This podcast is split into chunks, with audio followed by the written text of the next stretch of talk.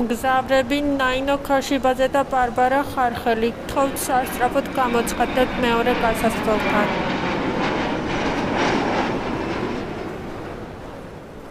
ვინ ვართ ჩვენ და რატომ შეიძლება დაგაინტერესოთ ჩვენმა ლაღბობამ?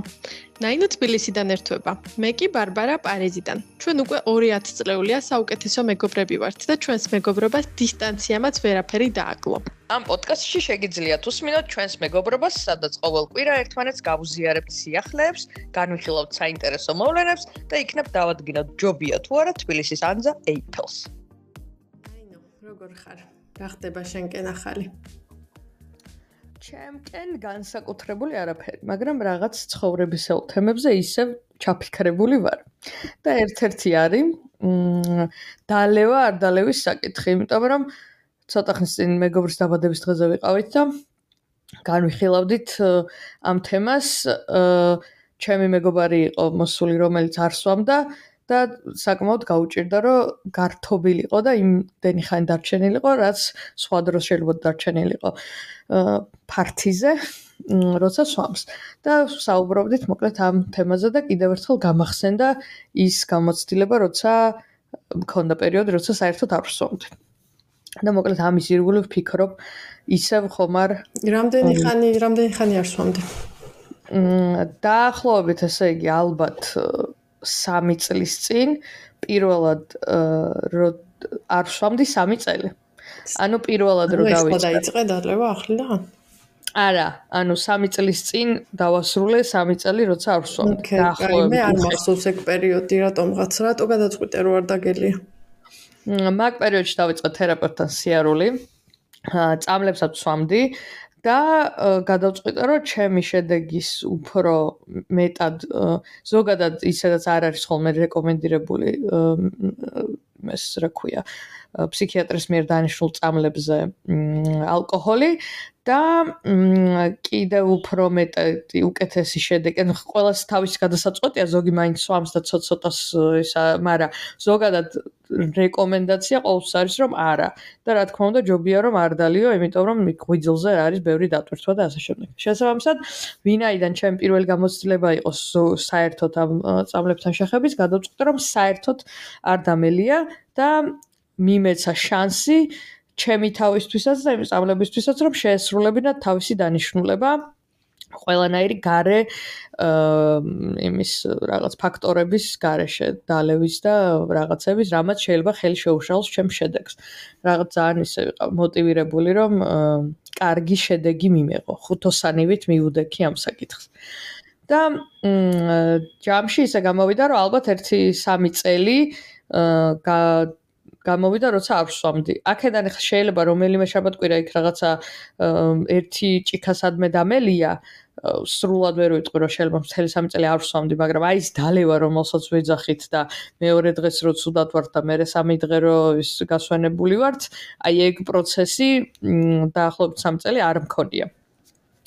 და ანუ არ დამთვალ ხარ სამიწე. არ ხო, არ დამთვალ ვარ და ესე კაპიტალური სმა არ გამიკეთებია და ბევრი რაღაცები აღმოვაჩინე მაგ პერიოდში ჩემ თავში. მომიყევითა ძალიან მაინტერესებს როგორ მოახერხე საქართველოსი სამი წელი არ დალევა, იმიტომ რომ ძალიან დიდი ის არის სოციალური წნეხი არის დალევაზე, მით უმეტეს სადღაც რომ გადიხარ მეგობრებთან ერთად. კი, ალბათ იმიტომ გამიადვილდა რომ გოგო ვარ და არა ბიჭი. და ეგ ეგ რაღაცაზე წოლა არ მქონდა, იმიტომ რომ კი ზოგადად დაკვირვებული ვარ რომ საქართველოსი გართობასთან მარტო და რაღაცნაირად მეგობრებთან დროის გატარებასთან დალევა გვიასოცირდება და შაბათკვირას განსაკუთრებით თუ აი გართობას ვიძახით, აუცილებლად არა შევიკრიბეთ და უნდა დავლიოთ.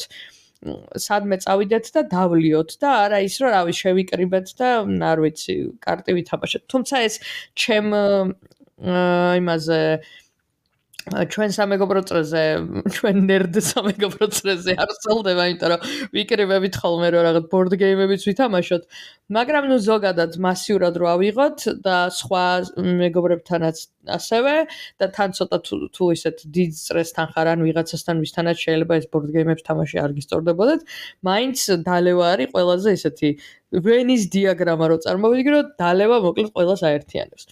შესაბამისად, და ნუ ბიჭებისთვის კიდე უფრო რთულია ეგ ამბავი. ხო და შესაბამისად, მოკლედ ეს რთული ამბავია, იმიტომ რომ თუ არ სვამ, ესე იგი ფაქტიურად ვერ ერთობი. რაღაც მაგის ანალოგია და განსაკუთრებით ალბათ ბიჭების ურთიერთობებში, რომლებიც ზირთადად ამ შეხვედრების საფუძველი არის დალევა, იმიტომ რომ ვერ შეხვდებიან და ერთმანეთს ვერ ეჭორავებიან. ან ეჭორავებიან უბრალოდ არ აღიარებენ რომ ეს მათი სოციალური ცხოვრება არ უნდათ ამის იქნებ საკეთებელი არ არის სხვა ან ვერ ვიხსენებ აი რა უნდა გავაკეთოთ სხვა მაგალითად. ბევრი აქტივობა როგორც ასეთი არ მახსენდება რაც შეიძლება გააკეთო საღამოს სამსახურის მერე და მით უმეტეს მეგობრებთან ერთად. რაღაცა მაგის კულტურა არ არის იმდენად საქართველოსში აქტივობების.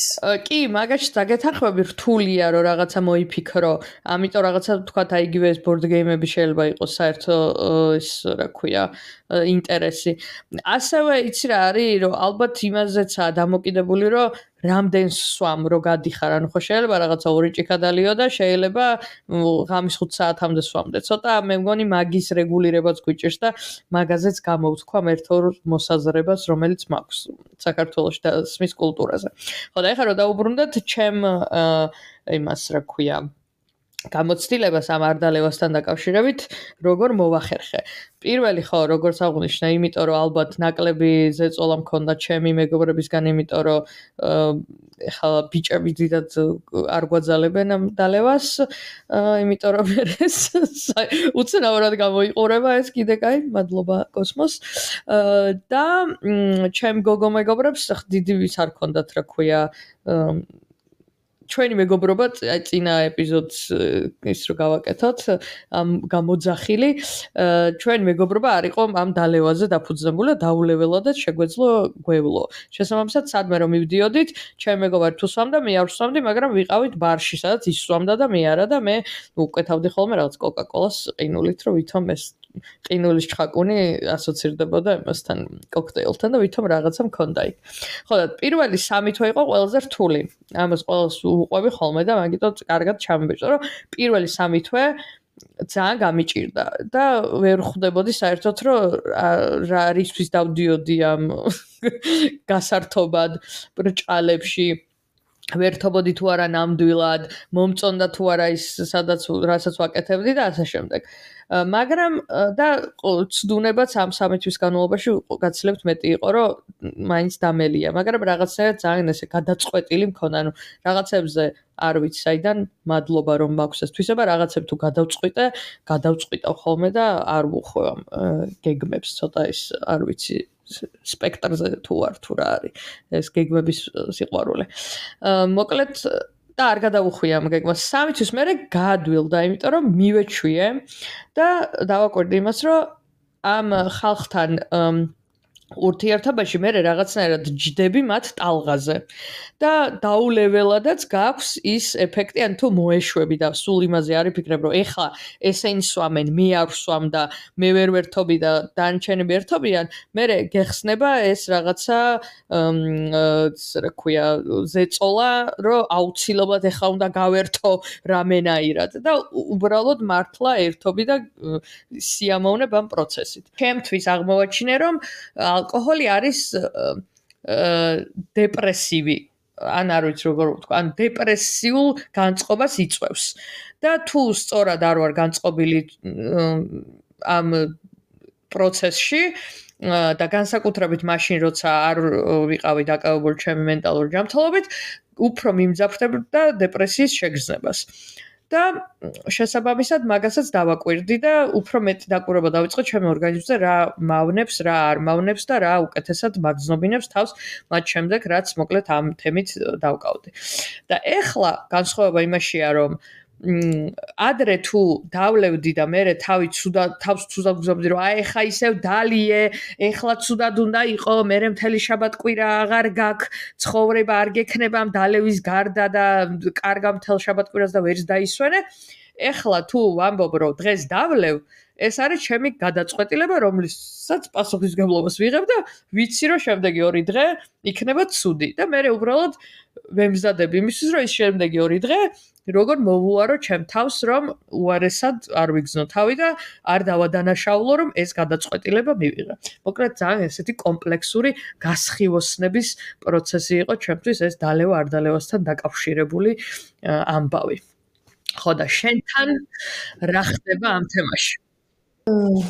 ძალიან საინტერესო რაღაცები მოგვიყევი. მე ანუ ფაქტობრივად ძალით ვიყავი ფხიზლად მთელი ორსულობის განმავლობაში და ძუძუზე კვების ამ ლაქტაციის პერიოდში და ჯამში ანუ წელიწად ნახევარი გამოვიდა. როდესაც ვერ ვერ ვსვამდი ალკოჰოლს. ანუ ესე როგორც ასეთი ჩემი გადაწყვეტილება არ იყო, რომ აი ახლა უბრალოდ ალკოჰოლს აღარ დავლევ, უბრალოდ სიტუაციურად მომიწია, ასე ვთქვათ. და თავიდან მეც მენატრებოდა საკმაოდ, განსაკუთრებით ღვინო, რომელიც ძალიან მიყვარს. მაგრამ აა პირველ რიგში ანუ ღვინოსში კარგი ის არის, რომ ყოველთვის არის იმისი შესაძლებლობა, რომ არ დალიო და გადაყლაპო ღვინო, არამედ გადააფურთხო. ანუ იმ თუ უბრალოდ გემოს შეგრძნება, გინდა ღვინოსი დალევა არ არის აუცილებელი.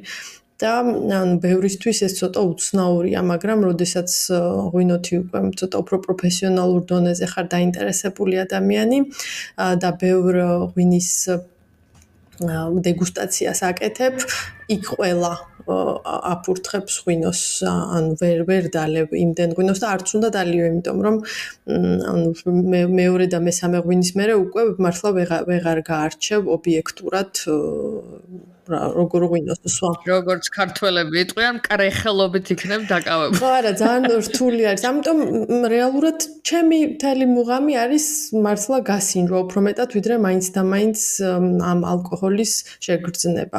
შესაბამისად, რამდენჯერაც მომიწია, რომ ვთქვათ, დეგუსტაციაზე ვყოფილიყავი, მაინც წავედი, უბრალოდ არ არ დავლია, არამედ გადავაფურთხე, რაც ჩემთვის ძალიან კომფორტულია. და მაგრამ აი ამ ყველაფერს მიუხედავად რაღაცნაირად, როდესაც ხსნილი იყო და შემეძლო დალევა და დავიწყე ახლიდან დალევა, დიდი მოლოდინი მქონდა, რომ ძალიან მომეწონებოდა და აი მეთქი დავიბრუნე ჩემი ძველი ცხოვრება. რეალურად იმედგაცრუებული ვიყავი, იმიტომ რომ აღარ მომეწონა ისე ძალიან, როგორც მანამდე მომწონდა. ანუ ალკოჰოლი და განსაკუთრებით რაღაცნაირად დავიწყე მართლა შეგრძნება ჩემს სხეულში იმ წამსვე ფაქტობრივად დეჰიდრატაციის და რაღაცა დისკომფორტის ან ვეღარ ვეღარ დიდი ხანი ბევრი თვის განმავლობაში 1-2 მოწრუპის იქით ვერ სვამდი და აქამდეც უკვე რამდენი ხანი გავიდა ან ნახევარ ნახევარ პორციებს სვამ ასე ვთქვათ რა ანუ კოქტეილს თუ შევუკეთავ ნახევარ სვამ ღვინოს თუ შევუკეთავ ნახევარ სვამ ანუ გავანახევრე. რაც მგონია რომ ყველანაირად სასარგებლოა. ან მაინც ვიღებ იმ ბენეფიტს რაც არის გასინჯვა მაგრამ რეალურად მთლიანი ჭიქის ძალევა არ მჭირდება. რა დათრობას რაც შეეხება მეც ანუ მაგ შემთხვევაში ძალიან ბევრი წელი არის რაც ეს თრობის შეგრძნება არ განმიცდია. თან მithumetes მე ძალიან რთულად უთრები არ ვიცი თუ გახსოვს ჩვენი ახალგაზრდობიდან ჩვენი ან არა ეკონომიური მსველი ხარ ძალიან ბევრი უნდა დავლიო იმისთვის რომ დაუთრე რაღაცა ჩემი ტვინის კონტროლის მექანიზმი ამ მგონი რომ მოსაც ვერაფრით ვერ ბუშვებ და შესაბამისად მაგდენის დალევის დრო რაღაცნაირად არ არ მაქვს ხოლმე. შესაბამისად ხო ძალიან უნდა კონცენტრირებული იყო იმაზე რომ მაინც და მაინც უნდა დაუთრე და ვიცი რომ აქ შემთხვევაში ნუ აი რამდენიმე ტეკილას შოთი ერთად უნდა მივაყოლო და ანუ სხვა სხვა არჩევანი მაქვს ხოლმე ალკოჰოლის მაგ შემთხვევაში. მაგრამ ეს კი ესეც დიდი ხანია არ მომხ მომხდარა, იმიტომ რომ ეს ეფექტები მე რაც მოაქვს, აი არ ვიცი რა რა ქვია ქართულად მეორე დღეს მეორე დღეს რომ ცუდად ნახავსე. მაგას ან მართლა არ მიიღირს ხოლმე მაგისტვის დალევა. მაგრამ მეორე მხრივ თან რადგან მე უბრალოდ ან ზოგადად საკვები და სასმელი ძალიან მაინტერესებს და მომწონს ეს სფერო, აი ეს ცნობის მოყარეობა მკლავს ხოლმე და მაინც ყოველთვის მინდა რომ გავსინჯო უამრავი რაღაც. მაინც ძალიან მიყვარს ბარის, განსაკუთრებით კოქტეილ ბარების სიტუაცია და ანუ იქ წასვლა მთელი ეს მუსიკა, ეს კოქტეილების ჩხარუნი, ხალხი. აი ძალიან ძალიან მომწონს ეს ეს ambience-ი, ასე ვთქვათ და ამიტომ მაინც მივდივარ და მაინც ვიღებ კოქტეილს უბრალოდ ძირითადად ნახევარ დოზებს ვსვამ, რომ ეს გასინჯვის ბენეფიტი მქონდეს ხოლმე. ის მომენტი შენც გაქვს და მე ვერ ხვდები, ანუ ძალიან მიყვარს ეს ყინულის ჭიქაში კაკუნი. და ეხა გამახსენდა რა თქვი რომ მე თან რო არ ვსვამდი ხოლმე ეს აი როგორც სიგარეტის უბრალოდ ხელში ჭერა რო მოგწონს და რაღაც ამ კვამლის გამოშვება, მაგრამ გემო რო არ მოგწონს, მაგრამ აი ეს ეფექტი რო მოგწონს, მე მგონი აი კოქტეილსაც ეგ მომენტი აქვს და ეს ისა რა ქვია, რო არ ვსვამდი, კოკაკოლას უკვეთავდი ხოლმე ხშირად ყინულით და ეს დამქონდა ესა და ეს კაკუნი ძალიან და რა რა ვფიქრობდი იცი მაგაზე სულ რომ ბავშვობაში კოკაკოლის რეკლამა იყო, რომელიც ანუ პირველი აი ეს მთელი გახსნა და ამის შხაპ შხეფები და ამ CO-ს ხმები და მე ამ ყინულების კაკუნი ჭიქაში. მე მგონი მაგისგან ხო არ მქონდა თქო ეს ისა რაღაცნაირი მაგის დანაკლისი რომ ეს კაკუნის ხმა ძალიან ASMR-ულად სასიამოვნო რო არის. კი, მე მგონი აი ყველაფერი მთელი ეს სენსორული ბუკეტი არის, ასე ვთქვათ, ალკოჰოლში და ასევე ეს ბარის სიტუაციაც ხომ მაგაში შედის. და ძირითადად ის ყველა დანარჩენი რაღაცები უფრო მეტად ქსიამოვნებს ვიდრე რეალურად ის კონკრეტული ალკოჰოლი მე მგონია. არ ვიცი, ჩემ შემთხვევაში ესეა და ამიტომ აი ახლა ევროპაში დიდი ტენდენცია არის უალკოჰოლო სასმელების და უალკოჰოლო კოქტეილების. ну თითქმის უკვე ყველა მაგაზე უნდა მეკითხა მე შემემჩნევია. და უფრო და უფრო დიდ მასშტაბებზე გადის და უკვე ნელ-ნელა არის კოქტეილ ბარები სრულიად ანუ 100% თუ ალკოჰოლო კოქტეილებზე და სასმელებზე და დაყრდნობილი ასე ვთქვათ. ანუ ეს ეს ძალიან მომწონს და მგონია რომ გაგრძელდება დიდი ხნის განმავლობაში და ყველა ალკოჰოლს უალკოჰოლო ვერსია გაუჩნდება. ანუ უკვე არის ჯინი, უამრავი რაღაც არის და ტეკილას მე მგონი. მე მგონი ყველა ალკოჰოლი არსებობს უკვე უალკოჰოლო ალკოჰოლი, ალკოჰოლის პროტოტიპი უალკოჰოლო და ვინოც გაჩნდა ახლა ბოლო პერიოდში და ნელ-ნელა ხვეწ ხვეწენ ან ტექნოლოგიას რომ ანუ არომატები შეუნარჩუნდეს და ალკოჰოლი არ ქონდეს, იმიტომ რომ ალკოჰოლს ძალიან ბევრი რამე აქვს ღვინოში, ანუ მთელი ეს სხეულს, რასაც ეძახიან, მაგისი ნაწილია და ანუ ამ ერთ ამ ხელა კომპონენტს რო გამოაკლებ, დაბალანსებული ღვინო არ გამოდის და შესაბამისად ჯერჯერობით ალკოჰოლო ღვინოები არ არის მოწოდების სიმაღლეზე, მაგრამ მგონია რომ ნელ-ნელა განვითარდება ესეც და იქნება უალკოჰოლო ღვინოც.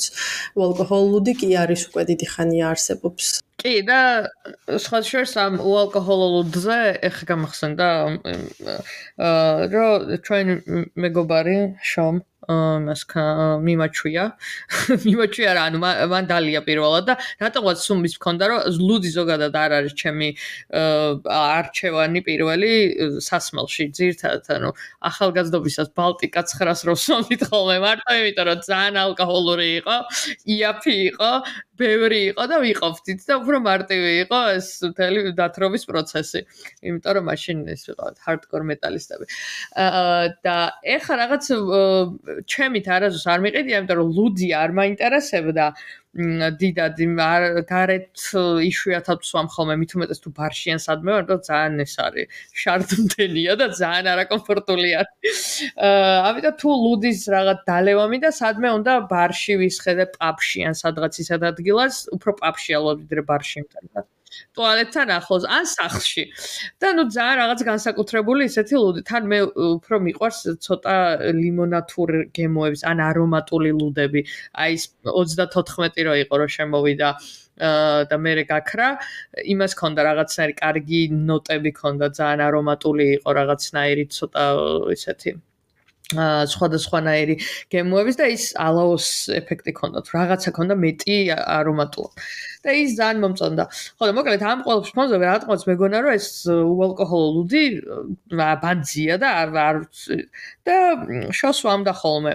იმიტომ რომ შოც შოც არ არ სონდა რაღაც პერიოდულობით და მე მეც დავიწყე ყიდვა და ძალიან მომეწონა. ერთ-ერთი ის არის, რა ქვია, მე მგონი ვარშტაინერს აქვს, ძალიან ნორმალურია და გემოზე ანუ ალკოჰოლურზე მეტად მომწონს. და იმის გამო რომ ზოგადად გაზიან სასმელები ძალიან მიყვარს, დედაჩემს უყვარს ძალიან და ვფიქრობთ რომ გენეტიკურია, იმიტომ რომ დედაჩემის ბებიას უყვართ. და დავადგინეთ რომ ალბათ რაღაცა გენეტიკური არსებობს. მაგრამ გაზიანი ყველაფერი ძალიან მიყვარს, მაგიტო კოქტეილებიც ძალიან მიყვარს. შესაბამისად, უალკოჰოლო კოქტეილებს ძალიან მივესალმები, მგონია რომ კარგი ტრენდია, მეც ვაკვირდები რაღაც იუთუბერებს, YouTube ბერ ბლოგერებს და მეტი და მეტი რაღაც პროდუქტი შემოდის ალბათ უფრო ის ამერიკულ ბაზარზე, სადაც სასმელები არის უკვე გამზადებული უალკოჰოლო. და მგონია რომ კარგი ტრენდია და მეტ ბარშიც თუ დაამატებენ ალკოჰოლო ვარიანტებს იმისთვის რომ არ მარტო ეს კოკაკოლის ჭიქით არ დავდიოდეთ, კარგი იქნებოდა, იმიტომ რომ არ იქნება არ იქნება ის წნეხი, რომ აუცილებლად ბარში თუ წახვედი ალკოჰოლი უნდა დალიო. და მგონია რომ კარგია რომ აქეთ მიდის სამყარო და ვითარდება რაღაცები მაგ მიმართულებით. კი, ძალიან საინტერესოა.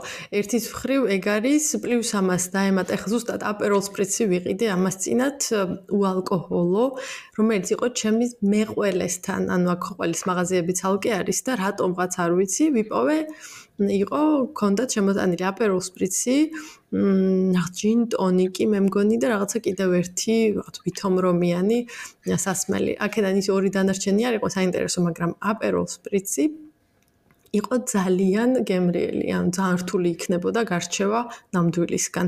მით უმეტეს ანუ ყინულებს რო გაურევ, იმას რო პორტოხალს რომ მასიზამ ჩააგდებ, რეალურად ძალიან რთული არის გარჩევა და ძალიან მომეწონა.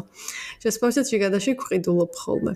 იმიტომ რომ ანუ რეალურად ჯანმრთელობისთვის ანუ მართლა ცუდი, ანუ ერთის მხრივ ხო ვიცით რომ ცუდია, მაგრამ თან ეს მეორე სიცხარი მიმართულება რომ ხალხის რომელიც ამბობს რომ ცოტა ალკოჰოლი კარგია, განსაკუთრებით ღვინოზე არის ხოლმე და განსაკუთრებით წითელ ღვინოზე, იმიტომ რომ სადღაც ერთხელ რომელიღაცა ქვეყნის რომელიღაც კვლევაში აღმოჩნდა რომ წითელ ღვინოს ვინც სვამდა იმ ხალხს ნაკლები გულის დაავადება ჰქონდა. მაგრამ ეს ანუ რეალურად ანუ დამტკიცებული არ არის, მაგრამ არის რაღაც კვლევები, რომელიც მაგას ადასტურებს ერთის მხრივ, მაგრამ ასევე არის ძალიან ბევრი მაგაზე მეტი კვლევა, რომელიც ამბობს, რომ დანარჩენი სხვა ყველაფრისთვის იმდენად ცუდია, რომ ჯანმრთელობისთვის ჯამში მაინც უფრო ცუდია ვიდრე კარგი. განსაკუთრებით ტვინისთვის, ძილისთვის, აა გუჭდაწლავისთვის და ასე შემდეგ. ანუ ალკოჰოლი არის ცუდი ჯანმრთელობისთვის და ანუ არ არის ალბათ ლიმიტი იმისი რაოდენობის, რამდენი არის კარგი და რამდენი არის ცუდი. ანუ სამი დალია შეგერგება, არ ვიცი რამდენად სწორად. თან სამი მართლა ბევრი არის უკვე, იმიტომ რომ სამი სამი ჭიქა ყველანაირი კულევაში ცუდია. აქ ლაპარაკი არის ერთი ჭიქაზე დღეში. მახსოვს რომ ამბობდი რაღაც სიცოცხლის ხანგრძლივობაზე რომ უფრო საქმე რა ქვია. კი ანუ რა არის ასევე ერთი კაცი რომელიც იკულებს blue zones ესე და არ ვქვა, ну ლურჯი ზონები, ანუ მასში სამყაროში კი არა და დედამიწაზე აიღო 5 თუ 7 ადგილი, ადგილმდებარეობა, მარტო ქალაქი არ არა, რაღაცა ტერიტორიები, სადაც ყველაზე მეტი ხანდაზმული ადამიანი ცხოვრობს, თან ხანდაზმული და ჯამრთელი. და იკოლევდა რა იწევს ამ ამ ჯამრთელობას რეალურად და მიიწავიდა და ამ ყველა ქალაქში და ქვეყანაში ცოტა ხანი იცხოვრა და გამოიკულია. და საინტერესო ის იყო, რომ თითქმის ყველგან ამ ზონებიდან ცოტა ანუ ალკოჰოლს მოიხმარდნენ. ალკოჰოლს ძირითადად ღვინოს და მე მგონი საკეს იაპონიაში აღარ მახსოვს უსტად. მაგრამ ცოტ-ცოტ ალკოჰოლს მოიხმარდნენ და ამან არ შეუშალა ხელი იმას, რომ ჯამრთელები ყოფილიყვნენ და ძალიან ბევრი წელი ეცხოვრათ. მაგიტომ აი ცოტა მაინც ეჭვი მიჩნდება ხოლმე მაგაზე, რომ რეალურად არის თუ არა კავშირი ალკოჰოლსა და ანუ რა თქმა უნდა არის, მაგრამ აი მართლა არის თუ არა ალკოჰოლი ესეთი ცუდი, ამიტომ აი ესე ცოტა გაისვარ რა mixed feeling-ები მაქვს მაგასთან დაკავშირებით. თეორია მაქვს რა შეიძლება იყოს მან ანუ სხვა თანაბარ პირობებში ალბათ მარტო ალკოჰოლის დალევით არ იქნებოდა ეს ხალხი ბედნიერი მაგრამ რამე კულტურული განსხვავება ხო არ არის რომ ეს კულტურები რომლებიც ამ ღვინოს მოიხმარენ მეტი სოციალური კავშირები აქვს აი ჩემ თეორიებს ვაყალიბებ რა ისევ და ისევ ესა ვინაიდან პოდკასტი გვაქვს? ხო შეგვიძლია რომ ყველაფერს ექსპერტები ვიყოთ ამიტომ ჩემ ექსპერტულ აზრს დავაფიქსირებ. რომ შეიძლება იყოს იმასთან კავშირი აი მაგალითად რაღაც იტალია, ეს სამხრეთის კულტურები, ჩვენი ნაირი ქვეყნები, უფრო მეტი რომლებიც რაღაცა communities-ზე არიან მიბული და ადამიანებს ერთმანეთთან კონტაქტზე, იმიტომ რომ ბოლო მონაცემებით ზოგადად აღმოჩნდა რაღაც მარტოსულობა იწევს ამ ცუდად ყოფნას და ჯანმრთელობაზეც აქვს გავლენა. ხო და შეიძლება ამ კულტურებში განმასხვავებელი ის კი არ არის, რომ ოღონდ იაპონიაზე არ ვიცი ხა რამდენად გავრცელდება, ამიტომ ვერ ვისაუბრებ, მაგრამ აი სამხრეთის ქვეყნებზე რო ვილაპარაკოთ, შეიძლება მაგის გამომწვევი მიზეზი, რომ ეს ხალხი კარგად არის, არის ის, რომ ალკოჰოლთან პარალელურად რაღაც სოციალური ცხოვრებაც აქვს და ამითი არიან რეალიზებული და ბედნიერი და ზოგადად ანუ ბედნიერი ცხოვრება აქვს, იმიტომ რომ რო წარმოვიდგინოთ ახლა რომ მარტოზი ხარ და უბრალოდ იმას რა ქვია, საკეს ურახუნებ. კი, მარტო არავინ არ ხარ. კი, კი, კი, ზუსტად ეგ იყო, რომ მარტო არავინ არ სვამდა, ანუ ეს დალევა ყოველთვის იყო სოციალური მოვლენა, ასე ვთქვათ. და შესაბამისად დალევა ხდებოდა რაღაცა სადილის ვახშმის დროს ხალხთან ერთად და ანუ ეს community ზუსტად შენ რასაც ამბობ, ყველა ამ blue zone-ში ზუსტადაც ყველას ქონდა ძალიან გამოკვეთილი community-ის შეგრძნება და ანუ ახლო მეგობრები და ახლო ადამიანები. შესაბამისად, რა თქმა უნდა, ძალიან ბევრი სხვადასხვა ფაქტორია. საინტერესო ის არის ამ ჯანმრთელობაზე რო ლაპარაკობთ, რომ ჩვენ შობლების და კიდევ უფრო ჩვენი ბებია ბაბუის თაობას ეგონა რომ ალკოჰოლი, ანუ ღვინო, კარგი იყო ჯანმრთელობისთვის და მე მაგალითად ბაბუა ჩემი მასმევდა ხოლმე რაღაც кейფები როცა იყო ხოლმე.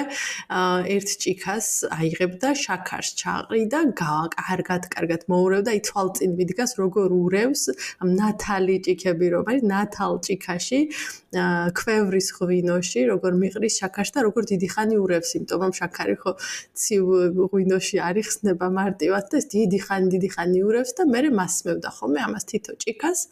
და ნუ აშკარად მათრობდა ხოლმე, იმიტომ რომ ახსოვს რომ მე მაგიდის ქვეშ გორიალობდი აი ხნის განმავლობაში.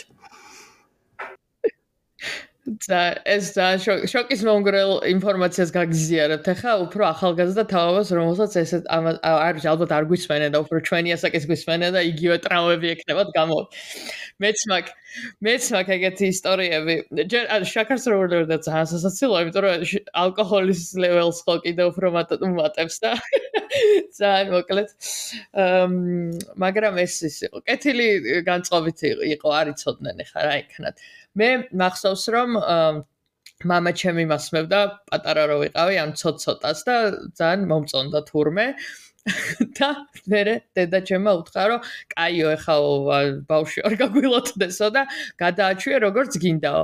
და მამაჩემმა გადაწყვიტა რომ მოეფიქრებინა ტექნიკა რითიც შემაზიზღებდა სასმელს და ერთ თავის დაბადების დღეზე თურმე მე მაშინ ძალიან პატარა ვიყავი და არ მახსოვს ვარ დედაჩემისგან ვიცი ეს ისტორია. თურმე ესე არაყი გამომიწოდა და ენა ჩამაყოფინა რომ ალბათ ენას დაწვავსო და არ მოეწონებაო. და აღარ მოეწონება ალკოჰოლიო და მე თურმე მithkoms თიდო რაც ნიშნავდა კიდო კიდე კიდე დამისხის. და მან მიხნე რომ წასული იყო მოკლედ ჩემი საქმე და ერთ ძალეოს შევთ კიდე მახსოვს მე უკვე ეს უკვე მეთქონ მახსოვს ეგ მოგონება. სადღაც ვიყავით კახეთში ნათლია ჩემის სოფელში თუ სადღაც და იქ ესე ცოტა ტკბილი ღვინო დავლია და აი რამდენს დავლევდი ხარ რაღაც ალბათ ნახევარ ჭიქა და მახსოვს რომ დავთვერი და ჩავიფსი და თან იქ ვიღაცა ჩემზე უფროსი ბიჭი იყო რომელიც მომწონდა და ძალიან შემცხვა რომ დავთვერ ჩავიშდი და დამეძინა. მოკლედ არ გამოვიარე ყველა ტრავმა რაც შეიძლება ალკოჰოლს მოეტანა. აი ესე ჩვენც ან თინას ყოველთვის უნდა რომ დალიოს რასაც ჩვენ სვამთ რა თქმა უნდა და სადმე რესტორანში თუ მივდივართ მე კოქტეილს ვიღებ, ჯანატანი ბლუდს იღებს და ეს უ იწევა რომ დამალევიეთ, დამალევიეთ და ხანდახან რამდენჯერმე ვცადეთ რომ მოიც სულ ცოტა მოვასმევინოთ და ნახოს რომ ცუდია და აღარ მოგთხოვოს, მაგრამ ხო ანუ ძალიან ცუდი იდეა იყო იმიტომ რომ ძალიან ძლიერი გენები აქვს. კი გენებია ფრანგულ ქართულად ხა ზუსტად. ამიტომ ძალიან მოეწონა და ეს ჩვენი ექსპერიმენტი იყო ძალიან ისეთი unsuccessful. აი უნდა გეკითხა უნდა გეკითხა ჩემთვის და გაგიზიარებდი. თან რაღაცა კავშირი მაინც გვექნება მე და თინა სულიერი მჯერა. ხო და ისე ალკოჰოლიზმზე რო ლაპარაკობთ. საქართველოში ალკოჰოლიზმზე საერთოდ რა ვიცით და რა დამოკიდებულება გვაქვს მაგაზე ვილაპარაკოთ. იმიტომ რომ არ ვიცი, შენ იცნობ ვინმე ალკოჰოლი საქართველოში არსებობენ ალკოჰოლიკები საქართველოში? ესე იგი, ალბათ ძალიან ბევრს, მაგრამ ოფიციალურად არც ერთს, იმიტომ რომ ჩვენი კულტურის ნაწილია დალევა და ზოგადად ეს სოციალური ცხოვრება დალევს ირგვლივ. ამიტომ საქართველოში აი ეს რაც რაღაც ანონიმური ალკოჰოლზე დამოკიდებულების ჯგუფები და რაღაცები, არ ვიცი რამდენად არის, ალბათ რაღაცები იქნება, იმიტომ რომ ნელ-ნელა ყველა ზოგადად მენტალურ ჯანმრთელობის ცნობადობა სხვა იწია და ეგეც იქნება ვიღაცების გააზრებული იქნება. თუმცა ესე გაცხადებულად ალკოჰოლზე დამოკიდებული, მე მგონი, ალკოჰოლზე დამოკიდებული უფრო კი, მაგრამ აი ალკოჰოლიკები არ ყავს. მაგრამ ეხა იცი რა გამახსენდა? ისინი რა ქვია, რაღაცა ჩიპებს რო იდგამდნენ ხოლმე, რო არ დაელიათ. აი უკვე ძალიან კრიტიკულ იმებში გადადიოდა, როცა საერთოდ ვერ ფუნქციონირებდნენ ადამიანები, რაღაცა ის იყო. ჩიფსი დგამდნენ და თითქოს აი რომ დალევდნენ, მერე ცუდად უნდა გამختارიყვნენ და მე ვიღაცები მაინც სვამდნენ. ანუ რაღაცა გააზრებული რაღაც ეტაპზე მე მგონი გვაქვს. რომ ცუდია და გადამეტებულად თუ ფუნქციონირებაში ხელს გვიშლის არ უნდა დავლიოთ, მაგრამ თუ აი ესეთ რადიკალურ ზომებში არ არის, მე მგონი სხვა შემთხვევაში დიდად არ წუხდება ხალხი ამ ალკოჰოლიზმით, არა? ამ იცი რა, ძალიან სიტუაციურია ვიტყოდი რა ხან რაღაც დღესასწაულებზე ხდება. კონკრეტულად, ანუ ახალ წელს დაბადების დღე ის ეს მანდ გაგახსენებ რომ საქართველოში ძალიან ბევრი დღესასწაული გვაქვს. კი, ორი დღესასწაულია და ყოველთვის არის ხან ვიღაცა ცოლს მოიყვანს, ვიღაცა გათხოვდება, ვიღაცას ბავშვი ეყოლება, ანუ ყოველთვის არის ბევრი ესეთი occasion მიზეზი. მაგ მიზეზი რის გამოც შეიძლება აღნიშნო, მაგრამ ხო ყოველთვის არის ხოლმე აი მაგ მაგითი შეფარული, რომ აღნიშნავთ რაღაცას. შესაბამისად, აი ეს დამოკიდებულება ყოველ დღე ხო არ სვამთ არა? ანუ ალბათ ლოთობა არის ასოცირებული, რომ ყოველ დღე სვამ და დალევის garaში არ შეგიძლია ყოფნა. და ჩვენთან უბრალოდ აღნიშნვა გვიყვარს ხშირად და ბევრი ალკოჰოლი, თან ერთ ჯერზე ბევრს სვამთ, მე მგონი.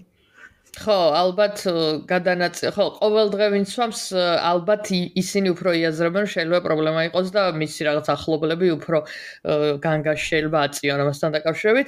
თუმცა, ჩვენ ისე რომ შეხედო თანამედროვე სტანდარტებით, აი ეს შაბათ-კვირასაც გარდაცვალება დალევისგან პრინციპში გადის იმავე კატეგორიაში და მე რაღაცა ბევრი პოდკასტებს უსმენ ამ ამ თემის ირგვლივ მაგალითად ერთ-ერთი ეს არის, რა ქვია, პოდკასტერი, მსახიობი, რომელმაც ეს პოდკასტები, პოდკასტ წარმატებული ძალიან პოდკასტების სერია გააკეთა და თვითონ არის ბევრი წელია ანონიმურ ალკოჰოლიკების ჯგუფში და სულ ამაზე საუბრობს და ვინც ყავს ხოლმე სტუმრები ეს ცნობილი სელებრიტები და ვიღაცაები, იმათაც მაგებზე ეკითხება ხოლმე მათ გამოცდილებას და ალბათ იქ უფრო ნაკლები ტოლერანტობა, აი ის ერთ კვირაში სიგიჟემდე დალევაც მაგაში კვალიფიცირდება, რომ არ არის ნორმალური. ალბათ სხვა სტანდარტებია, მოკლედ მის და ჩვენთან რადგან კულტურაში ძალიან ინტეგრირებულია ზოგადად ალკოჰოლი და აი ამ კომიუნიტის ნაწილია,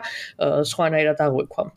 მაგრამ მანდაც ხო განსხვავება ალბათ რას სვამ ეხა რაღაცა ღვინოს რო სვამ სადილთან კიდე სხვა ამბავია და შოთებს რო სვამ გაუჩერებლად კიდე სხვა ამბავია კი, თან აი ზუსტად მაგაზე ხა გამახსენდა, რომ სტატისტიკას რო აკეთებენ ღვინის მოხმარების მაგალითად ქვეყნების მიხედვით ანუ რამდენ ლიტრ ღვინოს მოიხმარს საშუალოდ ადამიანი ქვეყანაში. საქართველოს არ არის მაღლა მაგ მაქსიაში. ანუ ბევრად მეტ სვამენ, აი რადიკალურად ბევრად მეტი ისმევა მაგალითად საფრანგეთში, მაგალითად იტალიაში. მაგაზეც ვფიქრობდი, რომ როგორ არის შესაძლებელი, იმიტომ რომ აქ ესე რომ დათუ ჩათურნენ, ძალიან იშვიათად ხდება. აა იმიტომ რომ ორი მიზეზია ჩემი აზრით, მაგის ერთი მიზეზი ის არის, რომ ბოთლში ჩასხმულ ღვინოზე არის ძირითადად ეს სტატისტიკა, ანუ იმის გარკვევა რომ ვიღაცის ბაბუამ გააკეთა ღვინო, რაც ყველას ყავს ბაბუა ნათესავი, ვინც ღვინოს აკეთებს და ის ჩამოიტანე და იმას სვამ მაგის აღრიცხვა რეალურად წართულია. ანუ მთელი ეს სახლში დამზადებული ღვინოები ამოღებულია ამ სტატისტიკიდან. და პლუს ამას ზუსტად რაც ვთქვი, რომ თითო ჯერზე ბევრს ვამთ, მაგრამ ისე ხშირად არა, როდესაც ევროპაში შეიძლება ყოველ დღე დალიოს ადამიანმა ერთი ჭიქა ღვინო და ჯამში ეს 365 დღეზე რო გადაამრავლებ, ბევრი გამოდის რეალურადლიტრებში, მაგრამ თრალი არ არის ეს ადამიანი. თან ალბათ იმ ბევრ დალევაშიც ძირთად ღვინო ძალიან იშვიათად ფიგურირებს, იმიტომ რომ ეხლა რო ვიხსენებ, ანუ ჩვენს თქვათ ისეთ ჩვენ 20 წელებში რო ვსვამდით, ღვინოს არავინ არ სვამ, ანუ ღვინოს და ღვინის დალევა დავიწყეთ რაღაც 25 ზემოთ და ცოტა უფრო ისე, როცა სხვანაირი სოციალური ცხოვრება გაქვს და ცოტა უფრო ისე შარდანეს დალევ სამსახურის მერ ერთ ჭიქას და რაღაც სხვანაირი დინამიკაა ღვინ. ზოგადად ახალგაზრდები ღვინის დასალევად ალბათ არ იკრბებიან და ძირთად სვამენ რაღაც უფრო ისეთ ძლიერ ალკოჰოლს ეხ არაყს და სხვა რაღაც შოთებს ან შეიძლება კოქტეილებს ვამდა. კი, კი, ჩვენი თაობა და ჩვენ თაობიდან მოყოლებული ღვინის დალევა ესე დასათრობად მგონია რომ არ არის ჩვენს კულტურაში, მაგრამ ჩვენი მშობლების და ჩვენი ბებია ბაბუის და ყველა მანამდე ჩვენი წინაპრების მათთვის ღვინო იყო ძირითადი დათრობის საშუალება და ყველა სადაც ეს кейფებზე რომ მიდიხარ და ეს ღვინოს ერთ ჭიქას რომ მოიყუდებენ, ეს მოყუდებით რო სვამენ, შოთებად რო სვამენ ფაქტობრივად ღვინოს და ბევრს, 20-30 მას ჭიქას. ეგ დასათრობად არის გამოსაყენებელი. ეგ ეგ ჯერ კიდევ ხდება ძალიან ბევრი ჩვენშობლების თაობაში. ყანწიც მნიშვნელოვანი. ერთი ყანწი რამდენი? ყანწი მახტანგურის პრობლემა. აუ კიდე ერთი საინტერესო რაღაცა. საფრანგეთში ჯონატანის ბებიის პერიოდში, ჯონატანის ბები ამას მოესწრო. სასკოლო კაფეტერიებში შეგეძლო ღვინის დალევა. ანუ ბავშვები, ხო, წარმოგიდგენ რამდენი აქ სკოლა, ეხა 3 წლიდან არის, მაგრამ მე მგონი მანამდე იყო 6 წლიდან.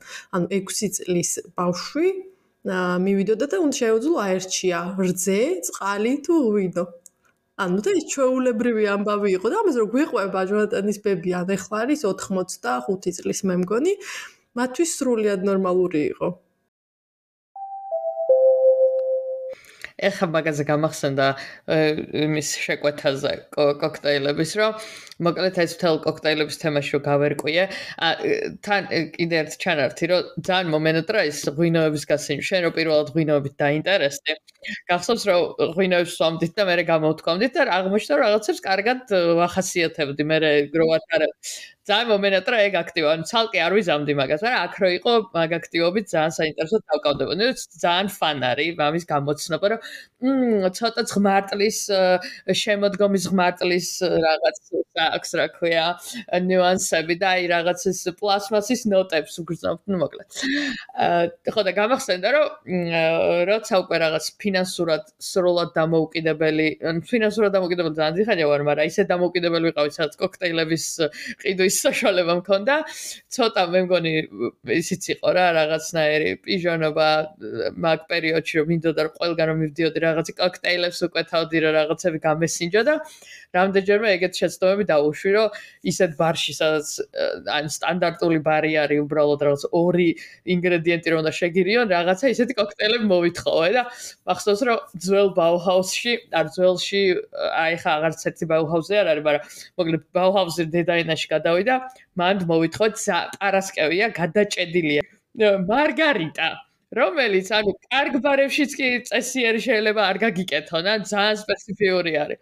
და მე მოკლედ ესე ვიპიჟონე, რაღაც საშინელება გამიკეთეს, თითქმის ვერ დავლიე და მე რომ ღირსი ვიყავი და მაგის მერე თუ თუ არ ვიცი, მაგას გამახსენდა ხა რომ ნეგრონიც რო შეუკვეთო სავარაუდოდ ზოგიერთ ბარში ეგეც არაცოდნებოდ. ამიტომ თუ არ ვიცი საერთოდ რა საკეთებენ, ვეუბნები ხოლმე ჯინ ტონიქს, ისიც სპრაიტს თუ ასხამენ ტონიკის, მაგრამ ხაჭო ბოლო დროს ბოლო დროს ყველა დროს უნდა გაგახარო. უნდა გაგახარო ისე. მე მგონი შენ მოიმანდა რა ქვია, გინებებმა სანამ აქიყავი გაჭრა და სპრაიტი кайხანი არ არავის არ შეურევია ჯინტონიკში, მაგრამ აპეროლ სპრიტში უეჭველიურებენ ჯერ კიდე სპრაიტს. ალბათ შეიძლება, მაგრამ ანუ უკვე ისეთ ან თუ ვიცი რომ კარგი აპეროლია, მაშინ ვსვამ და თუ ვიცი რომ არ იქნება, მაშინ აღარ ვსვამ ხოლმე უკვე ჭკუა ვისწავლე. და ან მოკლედ ჯინტონიკი და ან რომი და კოლა არის ძალიან სტანდარტული აი მაგის თუმცა მაგის გაფუჭებასაც ახერხებენ თეთრი რომის ჩასხმით და მე მაინც არა შენი აღწოდებები ძალიან აუ ძალიან დეპრესიაში მაგდებს. მან მან დრო ვიყავი მაშინაც ხო ძალიან ანუ ძალიან სნობად გამოვიყურები ხოლმე როცა ანუ ვაკრიტიკებ ასე ვთქვათ მაგრამ ანუ ბარმენი რო ხარ და შენი პროფესია ეს არის და კლასიკური კოქტეილი რომელსაც სამი ინგრედიენტი აქვს მაგალითად ნეგრონის სამი ინგრედიენტი არის. არა, სამი ალკოჰოლი, ანუ არაფერი არ გჭირდება რომ დაუმატო, უბრალოდ სამი ალკოჰოლი ერთი და იგივე დოზის, რაც 1/13, 1/13, 1/13 უნდა ერთმანეთში შეურიო. უნდა დაიმახსოვრო რომ რაღაც აი არ ვიცი, რამდენი კლასიკური კოქტეილია, ხო? 30 ალბათ ყველაზე ცნობილი. დაიმახსოვრე რა ეს სამი რაღაც ანუ რა უნდა მაგის დამახსოვრებას? და მაგიტომ ჩემთვის რაღაც არაპროფესიონალებთან არის დაკავშირებული და მით უმეტეს კაი ის პრობლემა არ არის შეიძლება არ იცოდეს რაღაც რაღაც ახალი დამწყები ბარმენი რო იყოს არ იცოდეს ან რაღაცა თქვას რომ აუ კარგი დავსერჩავ იმიტომ რომ არ ვიცი და არის ინტერნეტში ხო ანუ რეცეპტები. არა იქით რომ რაღაც გონორით გელაპარაკებიან რომ მე 10 წელია ბარმენი ვარ და ეხლა შენ მასწავლი ნეგრონი როგორ უნდა გავაკეთო? ანუ ეს ეს არის ნეგრონი ძმა ხო და აღარ ვიცი ბოლო დროს შეიცვალა თუ არა ანუ შეიცვალა ალბათ იმიტომ რომ რაღაცა ნუ ბეიზიკები შეიცვალა და ჯინტონიქს უკვე რაღაცა შედარებით ნორმალურ ჯინტონიქს ყველგან დალევ. ასე თუ ისა და მე მგონი ნელ-ნელა განვითარდა. მაგრამ ძალიან რთული ამ ჯინია და ტონიკია და ყინულია და რაღაცა ლიმონი ან ან ან კიტრის რაღაცა ნაჭერი ანუ ეგეც ავიწყდება თქო.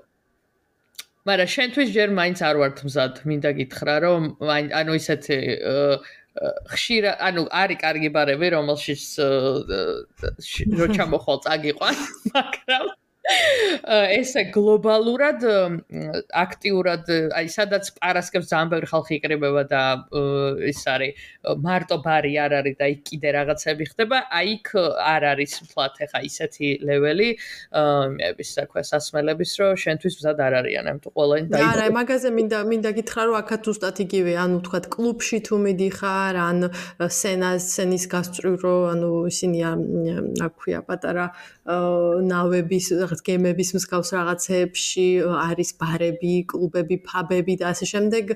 მანდაც დაახლოებით იგივე ხა სპრაიტს არ ხმარობენ, მაგრამ ძალიან დაბალი დონე არის კოქტეილებს. ან მან მიქსერების კულტურა რა. არც გაგიკეთებენ სიმართლეებით, კარგი ის არის, რომ არჩევანიც არ გაქვს. მხოლოდ შეგიძლია აირჩიო რაღაცა ჯინ ტონიკი, სპრიცი, ისა ეს ამ რაღაცა 4 არჩევანი გაქვს და იციან, რომ მეტი სტრაკი არ აქვთ და შესაბამისად არც აკეთებენ. ხალხო ეს იცით რა მიხწევა აი ხა რა ბარბიმ დაგვაფასა და გითხრა რომ ფლატ ტრაქში არ ვართ. და პარკშიც ხდება. სასმელებზე და ემაზე საჭმელზე შემიძლია უსასრულოდ ვილაპარაკო, მაგრამ ნოდი ჯობია დასკვნაზე გადავიდეთ, რა არის დასკვნა, ნაინო შენთვის ამ ეპიზოდის. ჩემი დასკვნა არის ალბათ ცოტა სხვანაირი. მაინც მგონია, რომ იქიდან გამომდინარე, რომ ეს რეცეპტორებს აკლია ხოლმე ეს გამოცდილება, მიუხედავად იმისა, რომ ანუ იმედი მაქვს, რომ მალე უალკოჰოლოც შეავსებს ამას, მაგრამ ხანდახან აი ეს პატარა თრობის და შეჟუჟუნების ელემენტიც გინდა. ამიტომ მგონია, რომ თუ გვაქვს თვით კონტროლის საშუალება, ჯობია რომ ანუ ჯობია რა ჩვენს ხელს უნდა მოусმინოთ და იმის მიხედვით დავლიოთ. მაგრამ თუ გადაწყვიტეთ რომ რაღაც თქვენს მენტალურ ჯანმრთელობას მიხედოთ კაპიტალურად და ფიქრობთ რომ გჭირდებათ ეს, მე გირჩევდით რომ ცოტა ძალისხმევა ჩადოთ. ძალიან რთულია, მაგრამ ალკოჰოლს დაანებოთ თავი, იმიტომ რომ ან დროებით მაინც რა სანამ უკეთესად არიგზნობ თავს, იმიტომ რომ პირად გამოცდილებით მიგრძნია რა ეფექტი აქვს, როდესაც ისედაც არ ხარ მოწოდების სიმაღლეზე, ალკოჰოლი არ გეხმარება რომ უკეთესად გახდე. და როდესაც კარგად ხარ და შეგიძლია ეს ყველაფერი აკონტროლო და გააზრებულად დალიო და იგივე ნაბახუსები გააზრებული გქონდეს და იცოდე როგორ უნდა მოუარო შენ თავს. მე რა ნებისმიერ რაღაც არის შესაძლებელი. ეს არის ჩემი დასკვნა. შენ რას ფიქრობ? ყველანაირად გეთახმები ჯერ შენ რაც თქვი და მაგას დავამატები რომ თუ თქვათ და არ არის თქვენს პრიორიტეტში ალკოჰოლის სრულიად ამოღება ცხოვრებიდან უბრალოდ შეიძლება შევამციროთ რაოდენობა ან ალკოჰოლის პროცენტულობა. ანუ თქვათ ტეკილას ნაცვლად ღვინო დავლიოთ ღვინის ნაცვლად სიდრი დავლიოთ სიდრი ასევე საინტერესო ახალი ტრენდი არის აქ თინა უნდა გამოვიყვანო ახლა ბაღიდან შესაბამისად უნდა დავასრულოთ ჩვენი ეპიზოდი.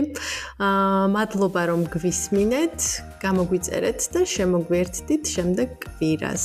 ასევე დაგვაფოლოვეთ უკვე Facebook-ზე, რომელიც გვაქვს. გამოგვიწერეთ ყველა იმ პლატფორმაზე, სადაც უსმენთ და ფიდბექებიც გაგვიზიარეთ თქვენ. კარგად. მადლობა. ხალე ვარ პრეზენტაციას რომ მიყავს და ძალიან დიდი დილდო რო უდეს მაშინ ვიტრინაში. ხო არ უნდა დავაბრუნოთ სკოლაში ღვინო. მე მგონი მშობლები ძალიან კმაყოფილები იყვნენ იმიტომ რომ კარგად ეძინათ მე ბავშვებს